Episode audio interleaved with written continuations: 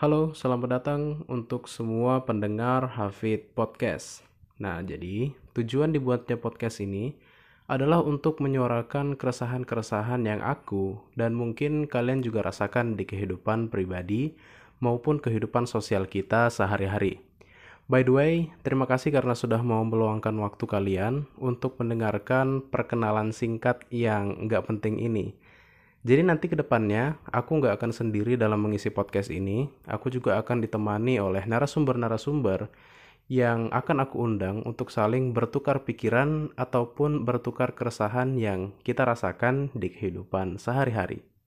See you next time.